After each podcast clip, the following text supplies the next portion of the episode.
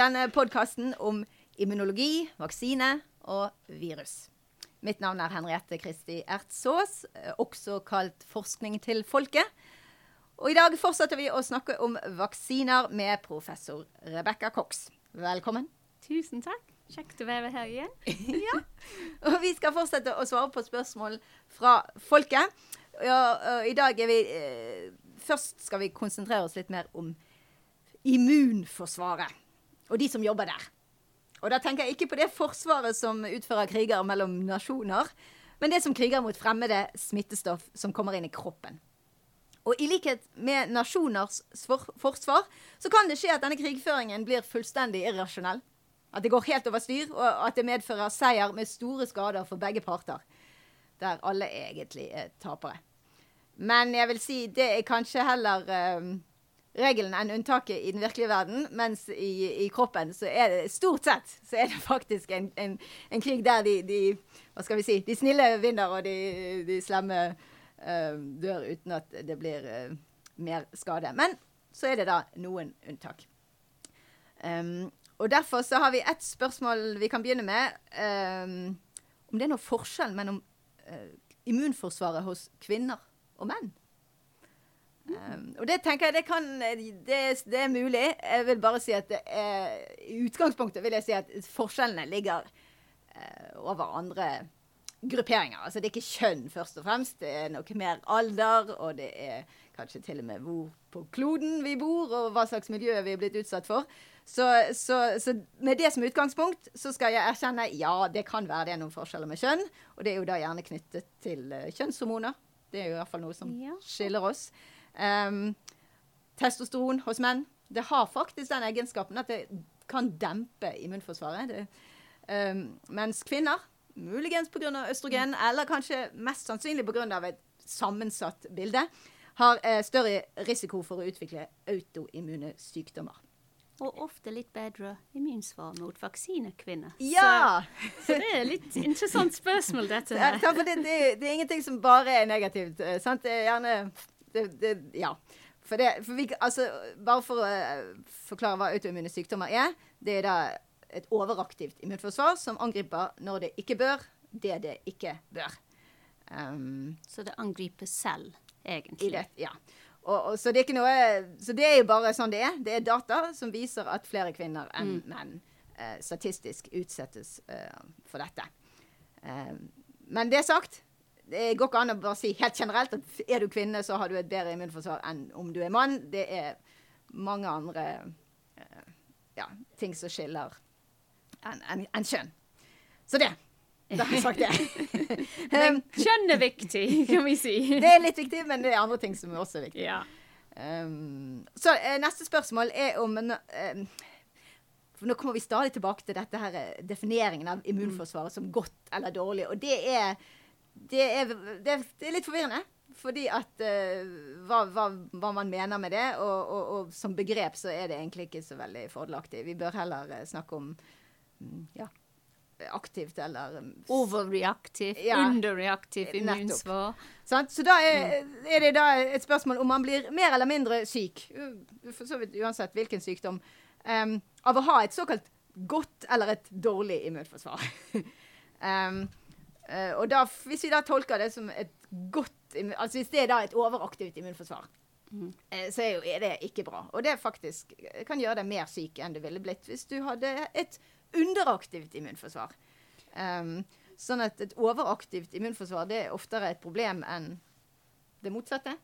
Ja, sant? men vi, for eksempel hvis vi snakker om korona eller influensa ofte er det inflammasjon fra en litt overaktiv immunsvar som blir problemet. Man blir mer alvorlig syk.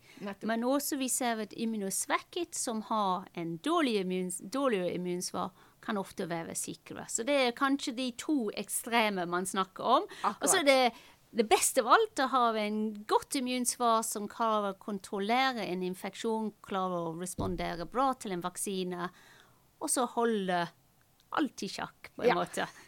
Balanse, kontroll. ja. Det er det. Ja. Sånn, så vi må jo nevne sant, folk som har uh, svekket immunforsvar pga. Uh, hiv, eller de som rett og slett går på medikamenter som har som funksjon å svekke immunforsvaret fordi at de har fått et organ for eksempel, fra et annet sted, og derfor så må de unngå at deres eget immunforsvar angriper det organet. De, de har jo da et svekket immunforsvar og kan derfor bli mer syk når de får en eller annen, et eller annet smittestoff i seg. Sånn at eh, ingen, ja, som du sa, ingen av ekstremene er bra. Mm. Det beste er noe sånn midt imellom. Og det som er viktig å tenke nå, er hvis man har hiv f.eks. i Norge, så er man kanskje veldig bra kontrollert hvis man går på antiviraliebehandling. Så Ja. da på en måte er det, det, det er ikke en kjempeimmunsvekkelse hvis det er bra behandlet hiv nå. Ja, og det gjelder for så vidt eh, alle hiv-pasienter i Norge. går jo Ja. på behandling. Så sånn kan man jo nærmest generelt si at, at ingen av de da burde være mindre rustet mot en Mm. koronasykdom f.eks. enn enn den øvrige befolkning. Så det er jo for så vidt et poeng. Og Det som er også litt viktig å tenke med immunsystemet, på en måte det er lag på lag på lag. Så f.eks. vi har gjort studie for under svininfluensapandemi, og vi så at de som hadde immunosvekkelse, de som hadde hypogrammagobulinemia, eller som hadde mye mindre B-celler, de kompenserte litt med T-celler. Så det, det er kompensasjonsmekanisme inni immunsystemet for å kompensere hvis ett av armene eller del, en del ikke fungerer. For- i dette eksempelet var det B-celler som ikke produserte antistoffer. Men så hadde de mye høyere T-celler for å kompensere litt. ah, det er jo vakkert. Ja. Og immunsystem er vakkert. ja, det er jo liksom litt av poenget der, å ha flere avdelinger. Det er jo nettopp at ja, noen kan ta over når andre ikke Ja. strekker til. Det er jo kjempefint. Ja. Så da um, For da, ja Nå har vi nesten allerede nevnt det, men når um, eh, det, Når noen blir veldig syke av for, ja, et luftveisvirus, f.eks. korona, um, er det da fordi de har et uh, Nå går vi litt i ring her, men jeg virkelig kommer inn på denne, dette spørsmålet. Er det fordi de har et svekket immunforsvar? For Hvis vi tar akkurat de spesifikke eksemplene fra korona med disse eldre.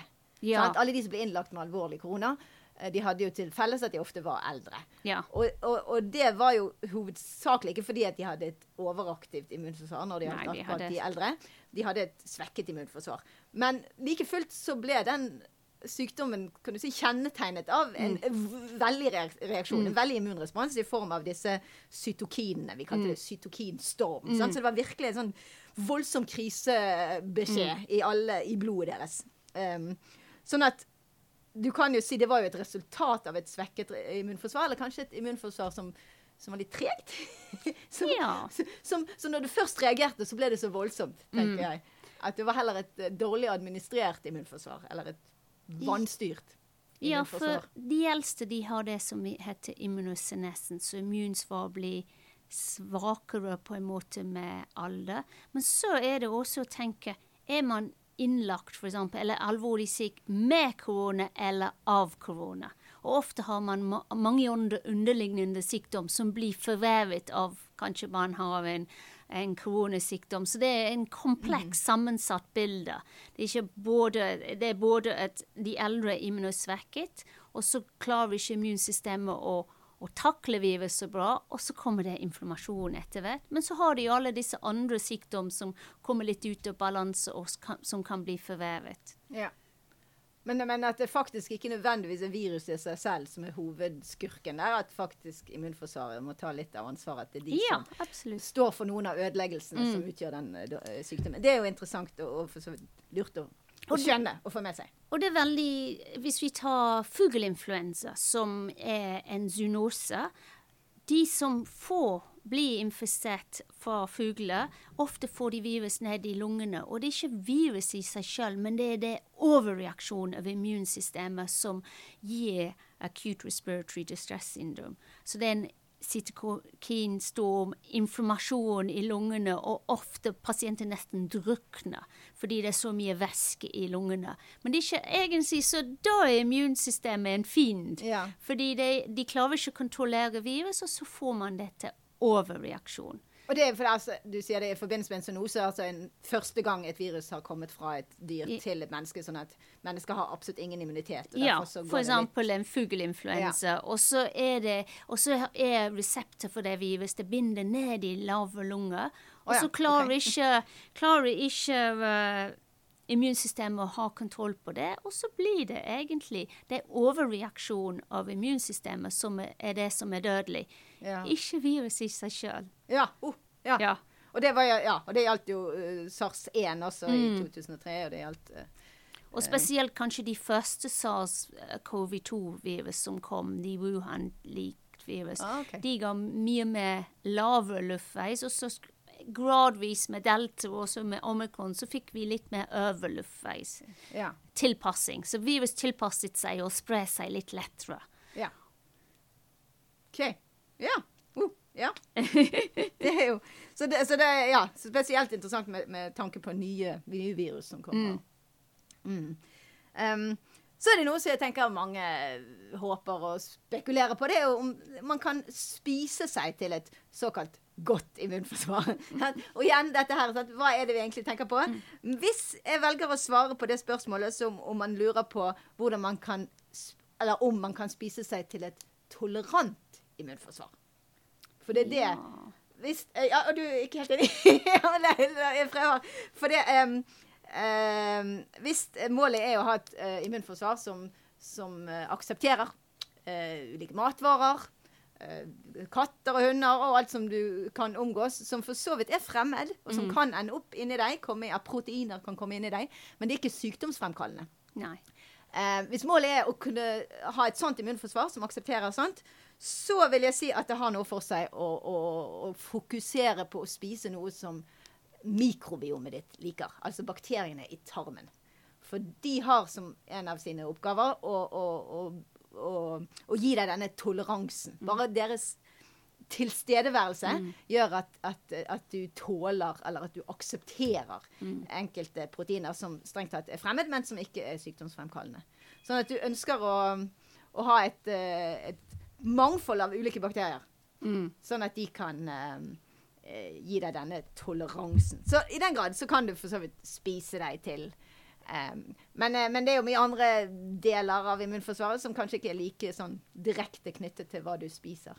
Men det er interessant, fordi toleranse er noe vi aksepterer noe. Mm -hmm. Og med vaksiner så ønsker vi å trigge immunsystemet, men ofte med ikke med messenger-RNA, men med de nyere proteinvaksiner, så må vi tilsette den forsterkningsmiddelet, fordi proteinet er for ren, og så gjenkjenner ikke immunsystemet det. Så det er en veldig hård og fin balanse mellom toleranse, aktiv immunsvar, og så har man autoimmunitet, hvor det angriper seg sjøl. Ja. Så den balansen er veldig viktig. Jeg tror en sunn liv er bra, at man spiser ordentlig, men sovn er også viktig. Ja. Eh, et, de sier at uh, den tid av dagen man er vaksinert, er litt viktig for hvor bra immunsvar man skal ha. Ja, og det er jo veldig sånn konkret mm. akkurat når, er, mm. når, man er i ferd med å utvikle immunitet. Mm. For det tror jeg kanskje ikke folk tenker på, hvor mye energi det faktisk mm. krever. Eh, at det ikke, ingen som har sagt at det er en enkel det er liksom en søndagstur. Mm. Det er faktisk noe som krever energi. Og det er derfor vi også får sånne virkninger som vi føler er bivirkninger. Men det er jo mm. det, Ja, det tar på. og det er ingen, det. ingen, hemmelighet i det. Og det er absolutt ikke noen grunn til å tro at det skulle gjøre noe annet. Det er jo masse celler som skal lages, og de skal jo gjøre masse mm. arbeid. Så, så klart det er energikrevende. Og da er det lurt ja, rett og slett å sove godt i forbindelse med mm. den uh, immuniteten. Mm. Forhåpentligvis så får vi god hukommelse etter hvert. Ja. Det er det viktigste. Yes. Um, og så er det et spørsmål som er veldig Du kan kanskje si litt sånn naivt eller veldig mm. generelt, mm. men jeg tenker at det, det, det er en fin innledning. Um, det er altså spørsmålet om hvorfor får noen bivirkninger av vaksine. Og der tenker jeg det er viktig akkurat det der med noen. Sant? For det er det som er å, å, å innse at uh, ja, noen veldig få reagerer annerledes på vaksinen enn flertallet. Og det tilsier vel at det er noe med de individenes kropp som gjør at de håndterer vaksinen på den måten. At det ikke er uh, først og fremst noe i vaksinen, men det er noe hos de individene.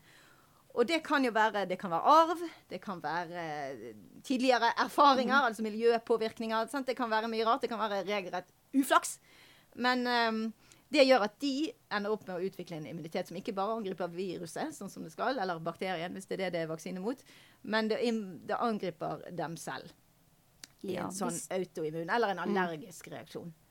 Men jeg tenker mye mer bredere på det spørsmålet. Fordi alle legemidler en, kan gi bivirkninger. Og så er det at man må tenke litt når man tar en vaksine.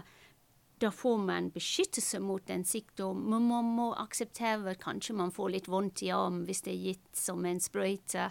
Um, men ofte bivirkninger samsvarer som feber og uvel og, og vondt i armen med at man har litt bedre immunsvar. Ja, ja. Og det har vi jo diskutert ja. før også. Ja. Så, Så- det er viktig å skille med dette, det som jeg kaller virkning, og det som vi Ja. faktisk er alvorlige Absolutt. bivirkninger.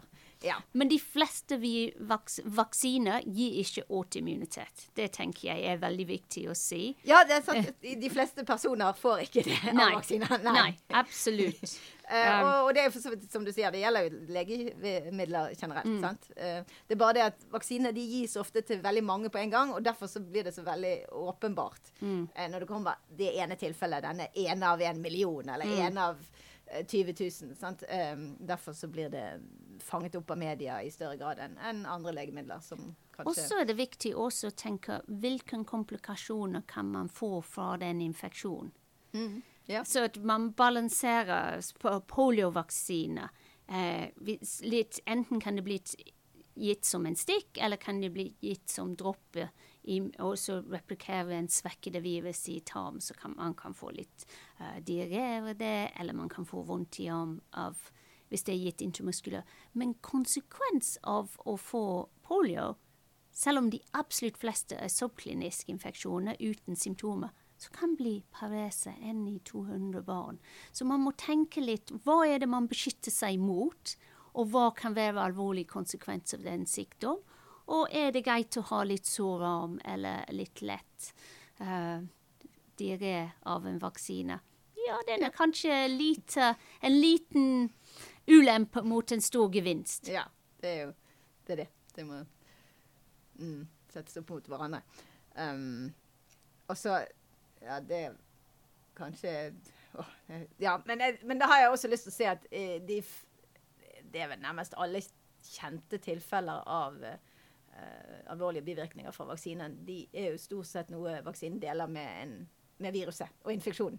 Absolutt. Sånn, Sånn ja. at det er ikke spesifikt for vaksinen, så lenge vaksinen handler om å, å imitere eh, det smittestoffet vi skal vaksinere mot, så, så, eh, slik at det da inngår et eller annet fra den, eh, det viruset eller den bakterien, så, så er det stort sett et problem som også forekommer, og gjerne i større grad hvis man faktisk blir infisert. Og en god eksempel av det er under svininfluensapandemi, hvor vi vaksinerte nesten 500 000 personer, eh, barn, i, i Norge. Og noen, noen få utviklet narkolepsi, en form for sånn sovensykdom. Men viruset i seg sjøl også ga det, med en høyere frekvens enn vaksine.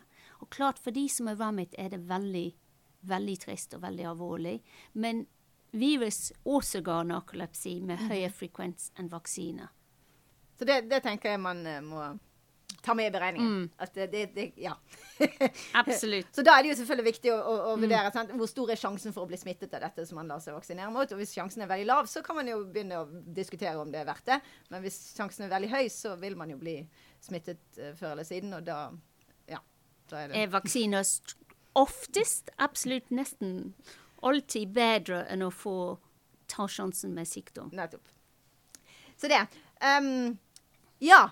Altså igjen dette med opplevde bivirkninger um, av, av vaksiner. Ehm, det var et spørsmål eh, om hvorfor kvinner får mer bivirkninger uh, av eh, vaksiner enn menn.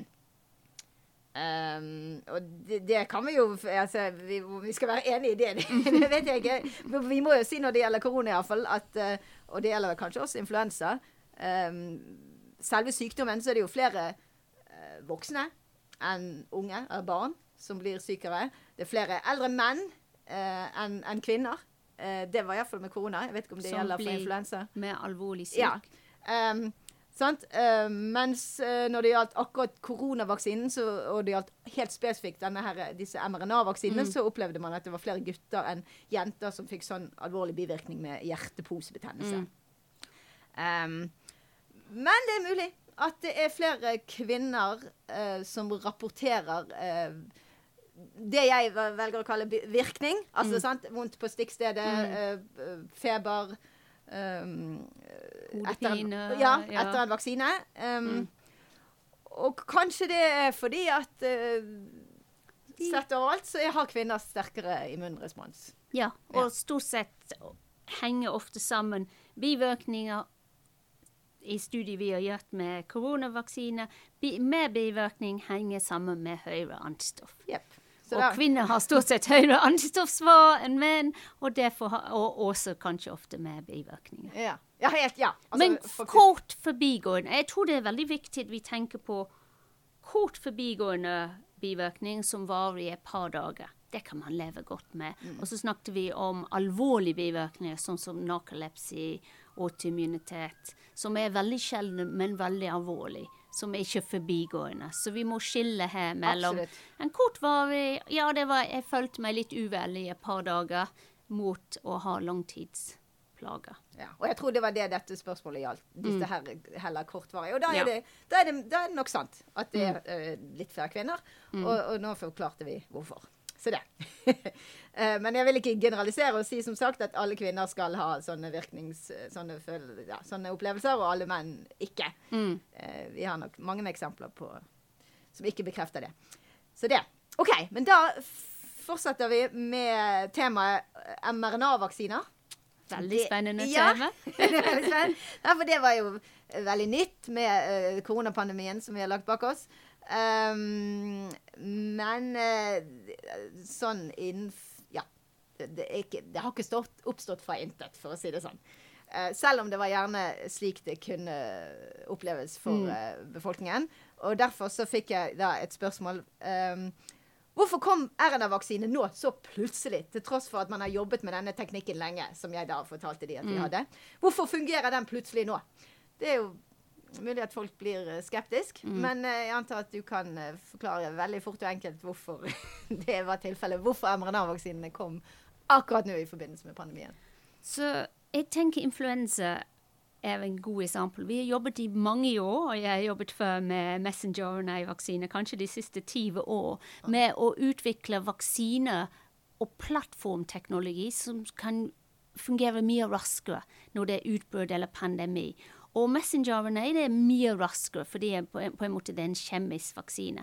Men vi hadde ikke helt fått alle brikkene på plass, men det var en god del vaksine i klinisk utprøving. Og så hadde vi også jobbet for å lage vaksiner mot det Midtøsten-koronavirus, så vi visste Det var mye heldig ting i uheldig pandemi. Um, vi visste hvordan man skulle stabilisere det piggeprotein, så at man fikk et godt immunogen for vaksine. Mm -hmm. Og så på en måte nå det blir veldig, veldig mye penger, og alle fokuserer på det, så var det mange vaksiner som fikk uh, sjansen å utvikle seg. Og så var det både messenger-RNA og disse adenovirus-baserte vaksiner som vant i første omgang løpet. Fordi de begge to var teknologi hvor du kan plugge inn en, en ny antigen og prøve ut. Så egentlig jeg vil si at vi var utrolig heldige det var 2020 og ikke 2010 eller, eller for da ville vi ikke vært klar, for det var viktig at vi visste hvordan vi skulle pakke inn disse, disse messenger-RNA. Hvordan den selv kjemikal struktur skulle være, så man fikk høy uttrykkelse av, um, av piggeprotein i det, for messenger-RNA for covid-vaksine. Så det var egentlig mye flaks i det uflaks. Men til syvende og sist var det enormt mye penger som var investert ja. i, i, i, utvikling av disse vaksiner. Og det var veldig, veldig mange vaksiner som var utviklet. Hundrevis. Og så var det disse som vant i begynnelsen-kampen. Nå kommer det etter hvert proteinvaksiner med forsterkningsmidler som um, Hva heter de? Novavax har har Ja, det er jo faktisk kommet. Men ja, eh, ja. det er vel Og det som er litt artig, var at det forsterkningsmiddelet var først testet ut av meg og mine kolleger her i Norge. Så vi var det første som Mm. brukte forsterkningsmidler i en klinisk utprøving. Veldig kjekt at det kommer ut i en, Wow. i en vaksine. Men og, når du sier forsterkning altså Altså adjuvanten adjuvans. Ja, Ja. Så den adjuvans, Matrix Ah. Vi var det første som brukte det i verden. Så Oi, vi hadde dere- 60 stykker i, i den første kliniske utprøvingen. Altså det- for, eh, mot influensa? En, en ja, mot mot influensa? pandemisk influensa. Ah, yeah. ja. Og så blir det kjøpt etter hvert av Novavax, og så har de brukt det. Men det som er viktig å tenke, dette piggeproteinen på covid, den er, eller på SARS-CoV-2, den er veldig stor og litt sånn vanskelig å jobbe med. Og derfor var de, de tradisjonelle vaksinene som HPV og hepatitt B, hvor vi har bare protein, det var litt vanskeligere å utvikle disse, og derfor tok de lengre tid. Når vi bruker messenger RNA, så bruker vi våre celler som fabrikk og produserer det piggeprotein. Så vi slipper å jobbe med det litt sånn stor og vanskelig proteinet proteiner som man må rense opp og da bruke i vaksine. Nå bruker vi egentlig glimrende. Vi bruker det som en snapp som forteller våre celler nå skal du lage proteiner. Piggeproteiner. Og så forsvinner det igjen fordi det er messenger RNA. Så det er utrolig bra. Ja, nå har du sagt veldig mye av det vi skal komme til, men, det, men det, vi, det er bra vi tar det sånn. Uh, ja, men, men jeg, jeg forstår, det var det jeg antok at du skulle Mm. si, at uh, mye av svaret er rett og slett økonomi. Økonomi Pengene- er alltid viktig. Ja, sant, at myndighetene var veldig villige til å betale Mm. masse penger. Og så tenker jeg også var litt sånn at folk, eh, forskere i stor grad snakket med hverandre, kanskje Mm. i større grad enn man hadde gjort før. Og det var all denne her publiseringen som, som ble gjort eh, tilgjengelig gratis eh, Mm. fra, fra de som publiserer. Sånn at um, Så enkelt. Så, og så kjedelig kan vi si at svaret er. Det er ikke noe mer mystisk enn enn det. Men, Ja. det. men det var jo også bare tilfeldigheter Mm. som gjorde at Det er jo interessant du sier. At hvis det hadde skjedd i 2010, så hadde ikke Nei. hadde ikke Og det var mye teknologi hadde blitt utviklet og var i tidlig klinisk eh, utprøving. Men det var, hadde ikke på en måte blitt satt sammen på samme måte som det blir av Pfizer og Moderna i deres messenger RNA-vaksine. Og vi ser at andre messenger RNA-vaksiner, sånn som CureVac, den fungerte ikke, og de er ikke fortsatt. Så det var mange vaksiner som man prøvde å investere i, men det ble ikke vaksine av det. Akkurat. Ja. Så Det, det kom var- ikke gjennom eh, studiene. Ja. Ja. ja.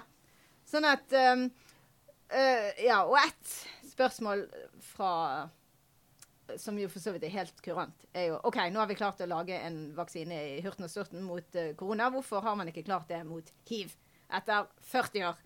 Um, all grunn til å, å, å spørre om det. Uh, men der er nok svaret at um, det er nok viruset. Ja, ja. For, det, for hiv er et helt spesielt virus. Jeg kaller det kongen av alle virus. Det er og det jeg tok hovedfag på, så jeg har litt eh, eh, ja, spesiell jeg har, eh, interesse for det. Um, det er jo et såkalt Altså, husk at immunitet det hjelper deg sjelden mot å bli smittet. Det har vi Mm. Eller beskytte mot å bli smittet. Ja, sant? Det, det, det, hjelper, det beskytter deg ikke mot det. Det kommer fremdeles virus inn i kroppen. Eh, men så, så går de løs på det der, da. Immuniteten den eh, hindrer at det får uh, formere seg videre. Um, sånn at hiv, det er jo et, et retrovirus. Og det er ikke så veldig mange humane ret, altså, vi, hum, retrovirus som smitter mennesker. Kanskje ett til, HTLV. Mm. Men eh, sånn at det er ganske unikt. Uh, og det har den helt unike egenskapen at det klarer å putte arvestoffet sitt Jeg snakker litt om dette nå fordi at det er litt interessant med tanke på Mm. Ja, ja, ja. Det er jo det. At, eh, ja, så hiv kan faktisk putte sitt arvestoff inn i vårt arvestoff. Mm. Og det er veldig, veldig vanskelig. Det, er, det er helt spesielt at den klarer det. Den kommer altså, altså inn i kjernen, kjernen som er dette rommet innerst i, i cellen, atskilt fra resten av cellen. Ehm, og putter arvestoffet inn i vårt DNA. Den har altså disse enzymene som er i stand til å klippe ganske enkelt, og, og, og lime. eh, Og putte det inn. Um, Eh, og der der kan det bare ligge og vente. Helt stille. Ingen merker at det er der. Det er skikkelig godt gjemt. Eh, og cellen den kan fortsette å leve helt vanlig og gjøre det den pleier å gjøre. Og plutselig, på et tidspunkt som vi ikke helt har kontroll på, men det hadde vært kult hvis vi fant ut av det, så får uh, hiv-viruset for seg at ja, nå skal jeg ut og lage sykdom. Og så lager den mange virus, og så eh, får den holde på for seg selv. Poenget er at den har vært gjemt, og dermed så hjelper det ikke om du har en immunitet. For det, uh, immuniteten, de antistoffene og de T-cellene, de finner ikke de cellene som er infisert. Og så infiserer hiv CD4 T-celler også. Så, så det Det er liksom toppen av disse T-celler som er så viktige å dirigere immunsvar. Ja, så- Og så, ja, så den har mange egenskaper. I 1995 så skulle jeg lage en vaksine mot hiv. Etter oh. to år Ja. så fant jeg ut at det var litt vanskelig, og så gikk jeg tilbake til influensa, så jeg tror det var en, en genistrek. Ja. Så det, uff a meg, altså vi ler. Men, eh, men eh, ja, så det er jo en del som egentlig har gitt opp den. Mm. Eh, Og, ja, og det er jo tragisk. Eh, Så antagelig må det jo et helt annet konsept til hvis Mm. vi skal prøve å klare å lage en vaksine som um, så, så det er situasjonen der, dessverre. Heldigvis har vi gode behandling. Absolutt. Og det har blitt tilgjengelig for mange flere nå. Fordi det var så kostbart at mange, f.eks. de som var smittet i Afrika, hadde ikke tilgang. Nå er det mye mer bedre tilgang til hiv-behandling, og det er viktig. Som også da hindrer spredning. Ja, absolutt. For dette holder virustallet så lavt Mm. nede at ikke eh, man smitter andre. Sånn at eh, det er nok eh, situasjonen der, ja. Men, eh, men ja. Så det, det er svaret på det. Mm. Og så er det da interessant å gå videre og spørre om eh, et spørsmål som da kommer opp med mRNA-vaksinen. Siden vi snak, tross alt Mm. snakker om såkalt Ja, du kan kalle det arvestoff. Mm. Eller kanskje vi skal kalle det kopi av arvestoff. Mm. Men i hvert fall blir arvestoffet i disse RNA-vaksinene værende i kroppen. Uh, og da kan jeg si tvert nei. Nei. For det at OK, det er et arvestoff, um, dette, denne biten som vi sprøyter inn. Um, det er en oppskrift på en virusbit, på et protein. Uh, men, uh, men strengt tatt så må vi heller kalle det for en kopi av et arvestoff. Mm. For det er ikke i den formatet som vårt arvestoff befinner seg i, altså DNA. Det er da i form av mRNA. RNA. Eh, som da er Ja, se for deg at det er, en- det er en slags en kopi av, av eh, en eh, oppskrift i det store arvestoffet. Sånn at den har ingenting inne i kjernen å gjøre. Aldri, kommer seg aldri inn der. Har ikke mulighet til å komme dit rent fysisk. Um, og har heller ikke mulighet til å bare kombinere seg inn i vårt DNA. Det ville vært som å prøve å kombinere to ulike språk. Det blir bare kaos. Sånn at uh, det er flere grunner til at det er ingen grunn å frykte at, at uh, vaksinen skal bli en del av oss. Ja. um, eh, tvert imot så, så overlever den jo bare noen timer. Ja, det Den er viktig å tenke at den er, som jeg sa, som en snap som vises til cellen, Ja, brukes um, som proteiner, og så forsvinner det. Det de har gjort med disse messenger-RNA, er de har forandret litt den poly-talen til, så den varer litt lenger, og det er derfor man har veldig god uttrykkelse fra både Pfizer og mer fra Moderna. Så Ja, de har forandret det litt på struktur, så de på en måte holder seg litt lenger enn at de er bare brøt ned med en Ja. gang. For det var jo egentlig det som var den store utfordringen når man laget mRNA-vaksiner. Det var ganske enkelt. Den skulle ikke vare evig, men den skulle iallfall vare lenge nok Ja. at du kunne uh, lage noen eh, proteiner. Bruke oppskriften. Eh, så vi, de snakker vel om et sånn par timer. Åtte timer har jeg hørt. Ja, at Ja. den er til stede inni cellen. Og så går den ganske enkelt i oppløsning. Ja. Så, så, det, så det Fordi at man faktisk klarte å stabilisere nok til det. Men, men den er ikke så stabil at den, at den kan bli varig, og den er heller ikke så ustabil at den går i oppløsning før den i det hele tatt har kommet gjennom ut av sprøyten. så det. Men det er også viktig å si at den er pakket inn i på en måte i en, en nanopartikel, en, en Noe noe å beskytte messenger-RNA, så at når den er sprøytet inn, den kan komme inn i cellen, noe som binder til cellen, får det inn i cellen, Mm. og så kan det frigjøre RNA. Hvis du bare sprøyter inn messenger-RNA, så blir det brøyt ned med en gang. absolutt. Og det var kanskje de første Ja. variantene av den Ja. type vaksine. var kanskje bare det. Ja. Ja. Så, det, så der kommer jo teknologien inn sant? for å, å, å, å, Det handler ganske enkelt om å stabilisere så det varer akkurat lenge nok, men ikke for lenge. um, så er et annet spørsmål det er ja, nysgjerrig på du, om, om du mener vi kan svare generelt. Er det riktig å anta at mRNA-vaksiner generelt gir en bedre, mer varig immunrespons enn ja, konvensjonelle vaksiner? Jeg tror ikke det. og de gir en veldig, veldig høy immunsvar. Men det er nesten som en slag i magen. At du får sånn skikkelig høy immunsvar. Men nå, nå, nå f.eks. i koronastudiet og covid-studiet vi har gjort, det er mye bedre å bli naturlig infisert. Du får mye mer Ikke så høy, men det varer mye lenger. Det skyter i vei med, med de messengerene, men det faller ganske kraftig også. Så de er gode for å få en veldig høy nivå av antistoff, og det er derfor vi har gitt boosterdose når det kommer nye varianter, for da skyter man antistoff høyt i vei. Og da kanskje det kryssreagerer med, med de nye variantene. Men mer langvarig, det tror ikke jeg Det gir ikke så langvarig som å være smittet. Nei. Ja, jo, ja, for det her spørs jo helt hvilke ord man bruker. Jeg kan tenke De som lager vaksiner, og som skal selge de, de vil jo sikkert eh, de, si, og det har de kanskje rett i, mm. at det er en sterkere immunrespons. Mm. Ja. men, eh, men, ikke nødvendigvis mer langvarig. Men, men, man kan vel si at det er vist Altså, spørs det jo også hva man har målt. ikke sant? Ja, ja, ja. Vi kan jo ikke drive og måle folk. Vi kan ikke ta ut mandler og lymfeknuter og, og se på hva som foregår inni der hos mm. 20 000 mennesker. Uh, så vi må forholde oss til det som er i blodet deres om noe. Så da er det jo bare i blodet vi har stort sett sett. Men kan du ikke si at vi har funnet mm, større andel av T-celler uh, ja, etter mRNA-vaksine? Ja, men de var ikke så lenge. Var, nei. Så, så, men at, det er en større, at, at, at, at T-celleresponsen er til stede i større grad eh, sammenlignet med antistoffer Uh, uh. Men man trenger både T-celler ja, til å produsere antistoffer. Jo, det er Man får uh, både T-celler og antistoffer, og man får en høy nivå av disse, men spesielt antistoff faller veldig raskt. Mm. Og egentlig, man trenger en boosterdose av en vaksine når antistoff faller under en beskyttelsende ja, nivå. nivå. Um, og det for, for, eldre, for siden de har litt immunsvekkelse fra før av, så blir ikke immunsvar så høy, så da trenger, så faller det over tid. Samme tempo som de yngre voksne. Men siden yngre voksne har mye høyere, så varer antistoff lenger. Okay. Ja. Så det, du kan forklare det. Det er en høyde, på en måte. Det høyere svar, det lengre det varer. Er bare ja. Men de brytes ned på, på, samme måte. Men i alt dette her så vet man jo ikke hva som foregår med tanke på sånne hukommelsesceller. Og, de, og For det kan man jo ikke måle så lett. De gir gode hukommelsesceller. Vi har sett på B-hukommelsesceller.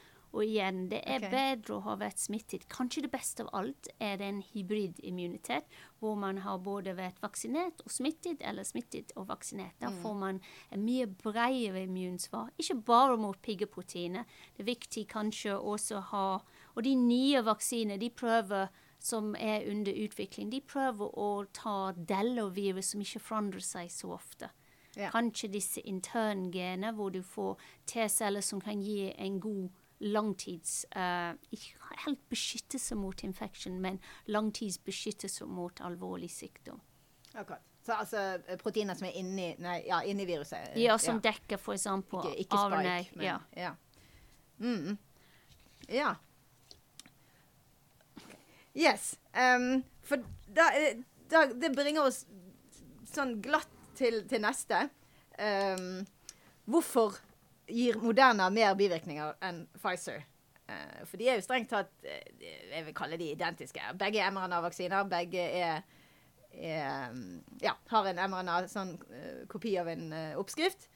det eneste jeg har egentlig fått med meg som skiller de, det må være dosen. Er du enig? Det er dosen, men det er litt det samme som hvis jeg lager en sjokoladekake, og du lager en sjokoladekake.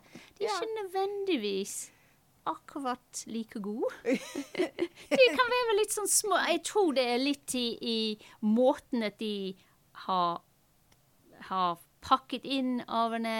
Dåsen er litt annerledes, og hvordan de, hvor stabil RNA er. Ja, som, det, altså. ja. ja, som påvirker Men det er ingen tvil om at Moderne gir høyere antistoff enn Pfizer. Akkurat. Men det gir mer bivirkninger også. Vi snakket litt om disse unge gutter som er frarådet å ta moderne vaksiner hvis de er under 30 pga. det hjerteposeinflammasjon. Ja. Akkurat.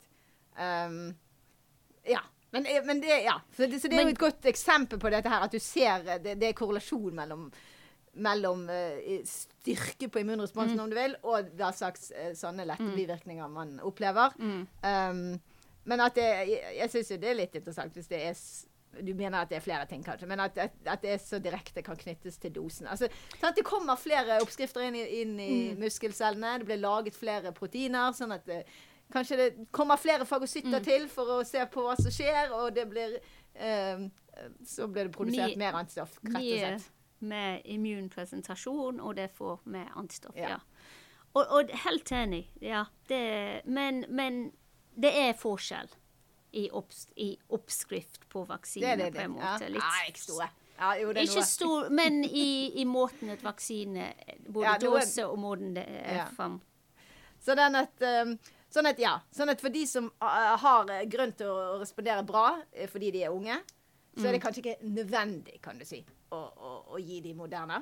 Altså Da er Pfizer tilstrekkelig. For, Ja. fordi at, sant, for de, mens for oss voksne, som er litt tregere, så, så er det ikke så dumt å, å ta uh, Moderna. Eh, det er logikken der. Mm. Aha. um, og sant, så nå snakker vi da om og du, du var jo egentlig allerede inne på det. Altså, du sier at det, blir, det, det er faktisk veldig sterk respons. Det er ikke nødvendigvis veldig varig. Men kan man da si at mRNA-vaksiner sammenlignet med konvensjonelle vaksiner er mer eller mindre sikker? Og sikker da antar jeg at vi snakker om, om, om bivirkninger, da. Ja. Nå kan vi kanskje si at de er gode og trygge vaksiner, fordi de er blitt gitt i milliardervis av doser i en kort tid, og det har aldri vært så god overvåkning som det er nå over bivirkninger. Det har aldri vært så bra overvåkning eh, gjennom legemiddelverk. um, ja, men det er klart at en vaksine som er blitt brukt over 30 år, og vi vet akkurat hva vi gjør. Det tar mange år for å få disse milliarder doser. Da kan vi si at disse er veldig gode og trygge. Jeg tror at messenger-RNA-vaksiner har vist seg å være effektiv, for de beskytter mot alvorlige komplikasjoner av sykdom, de beskytter mot dødelighet. Og generelt har vi en veldig godt innblikk nå i bivirkninger, og generelt er de fleste mild og forbigående. Og så har vi noen kontraindikasjoner. Vi har vært inne på unge gutter uh, med moderne Ja. Ja, men altså, det er jo, det er jo en, sin enkel logikk. Sant? Altså, de, de er såpass Immunresponsen er så sterk sånn at i, de tilfeller hvor det faktisk kan være bli for mye av det gode, Ja. så kan man vurdere noe annet. Men, men jeg vil jo påpeke at um, det er jo samme Det som har vært årsaken til bivirkningene i de tilfellene som vi har hatt av, av alvorlige bivirkninger, det er jo vil jeg tror vi er enige Det er spike-proteinet. sant? Ja, ja, ja. Sant? Sånn, så, og det er jo det som er grunnlaget for uh, både mRNA-vaksinene i denne pandemien vi har gått gjennom, og disse vektorvaksinene som er Sputnik og AstraZeneca og Johnson Johnson, og de konvensjonelle vaksinene som er laget mot uh, alle med, med grunnlag i spike. Sånn at eh, Sånn at eh, Sånn sett så vil ikke jeg si at mRNA-vaksinen skiller seg eh. Nei, jeg tror, de, jeg tror de er veldig gode, veldig sikre vaksiner. De er Ja. lett å kontrollere, for de er litt mer kjemikalier enn biologisk. Hvis du skal dørke opp virus, og så rense virus, da er det jo litt avhengig av hvor bra virus dørker. Ja, og her, her har vi litt mer sånn kjemikalieprosess, så jeg tror at de er veldig gode vaksiner. Det vi ikke vet, er blir de gode for all slags mulig vaksiner. Det vet vi ikke ennå. Eh, Ja. eh, De var gode for covid. Ja, for det jeg tenker, og vil gjerne konkludere med, er at, at det som, ut, som er årsaken til bivirkningene, er jo ikke vaksineteknologien. Nei, nei, nei. Det er sant, bruken av i dette tilfellet spike-proteinet, og i, sant, i svineinfluensaen så var det dette svineinfluensavaksineproteinet som, som, Ja. som hos noen Pluss en adjuvant i den. Ja. Ja, OK. Som, som hos noen ut, utløste denne bivirkningen. Sånn at det har ikke så mye med, med teknologien å gjøre som det har å gjøre med eh, ja, altså det som er i vaksinen eh, fra, fra det smittestoffet man skal eh, vaksinere mot. Så det sier jeg jo. Men eh, du, har, du var allerede inne på, inn på det. For det var et tilfelle jeg hadde et foredrag, og så var det Jeg ble sett litt til veggs, kan man si. Og jeg syns jo det var litt morsomt, for det illustrerte veldig mye hvor jeg er.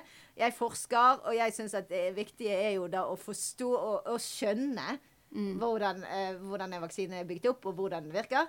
Mens kanskje folk der ute er mer opptatt av empiri, og, og at det har vært foretatt sant, et visst antall studier, og mm. at, det, at, man har sett med egne øyne eh, fraværet eller, eller tilstedeværelsen mm. av noe eh, reaksjon. Um, uten å egentlig skjønne hvorfor. Det, ja. det, er ikke alle som kanskje er så opptatt av akkurat det. Mens jeg som forsker er veldig opptatt av det. Så jeg drev jo og sa at vi vet vi vet og vi skjønner mRNA-vaksinen, mm. i motsetning til, til, kanskje konvensjonelle vaksiner. Mm. Um, ja, på mange måter. Du har bare piggerproteiner. Du har ikke resten av virus. Du får ikke mange av de andre komplikasjonene man kan få fra sykdom hvis det hadde vært en levende svekkede Akkurat, virus. Sant? sant? Så, altså, vi, vi, produserer det, vi produserer jo denne oppskriften i en maskin. Mm. Altså, vi, vi, kan ikke ha mer kontroll mm. til vi skriver den. Um, sånn at, uh, vi, så vi vet virkelig absolutt akkurat hva som er i. Mens hvis du snakker om en, en levende um, um, uh, ja, en levende vaksine som man da uh, tilsetter Nei, ikke, altså en, du har utgangspunkt i et virus, og så tilsetter du et kjemikalie, og så mm. får du dette, eh, dette, viruset til å bli inaktivert eller drept. Mm. Da kan jo skje mye rart med de proteinene. Eh, ja. eh, Kanskje noen av de blir, eh, blir eh, skumle. Det mm. har ikke vært mye tilfeller av, men mest sannsynlig så kan det være at det er noen av de som Men vi har en god del eksempler med polio, levende poliovaksine som blir um, som har revertert og gitt parese. Vi har rotevirusvaksine ja. som har gitt tarmsleng. Det er mange av disse svekkede virusvaksiner som har hatt alvorlige bivirkninger som var litt ja, At de rett og slett har blitt levende, effektive eh, virus igjen fordi at de har vært i et miljø, altså i en kropp som har et immunforsvar som kanskje er veldig, ja, som er svakt. Og dermed så har de kunnet mutert uten å bli liksom, uten å bli stoppet. Mm. Ja. sånn, sånn at, uh, så det har vært tilfeller med, med, disse konvensjonelle vaksinene. Og derfor så uh, tillater jeg meg å si at vi har mye mer kontroll på en mRNA-vaksine enn vi har på en, en, en uh, de konvensjonelle. At de kanskje er litt mer tilfeldige. Og så vil jeg avslutte yes. med at vaksine er de legemidlene som er mest kontrollert av alle ja. legemidlene vi har. Det er ingen andre legemidler som er så bra kontrollert som vaksine. Og det er veldig viktig, for vi gir de stort sett til friske folk, og ofte unge barn. Ja. Så de er veldig bra kontrollert gjennom myndigheter, og, og gode. Ja. Gir god beskyttelse. Og det har vært veldig, veldig viktig, fordi vi har utredet en del barnesykdom. Og jeg tillater meg å legge til at den teknikken som er benyttet i konvensjonelle vaksiner, den ble tatt i bruk lenge før vi skjønte hvordan den virket. Jeg vi hadde jo ikke peiling. Dette snakker vi jo om på 1700-tallet. Og enda lengre tid tilbake. Men nå som vi faktisk skjønner mer av immunforsvaret og hvordan immunresponsen dannes, så er det jo bare rett og rimelig at vi faktisk anvender den kunnskapen til å utvikle mer optimale vaksiner. Eller hva? og med det så avslutter vi denne episoden. Og da må jeg si tusen takk igjen, Rebekka. Og en takk til eh, UiB Læringslab for lån av utstyr. Så ses vi neste gang.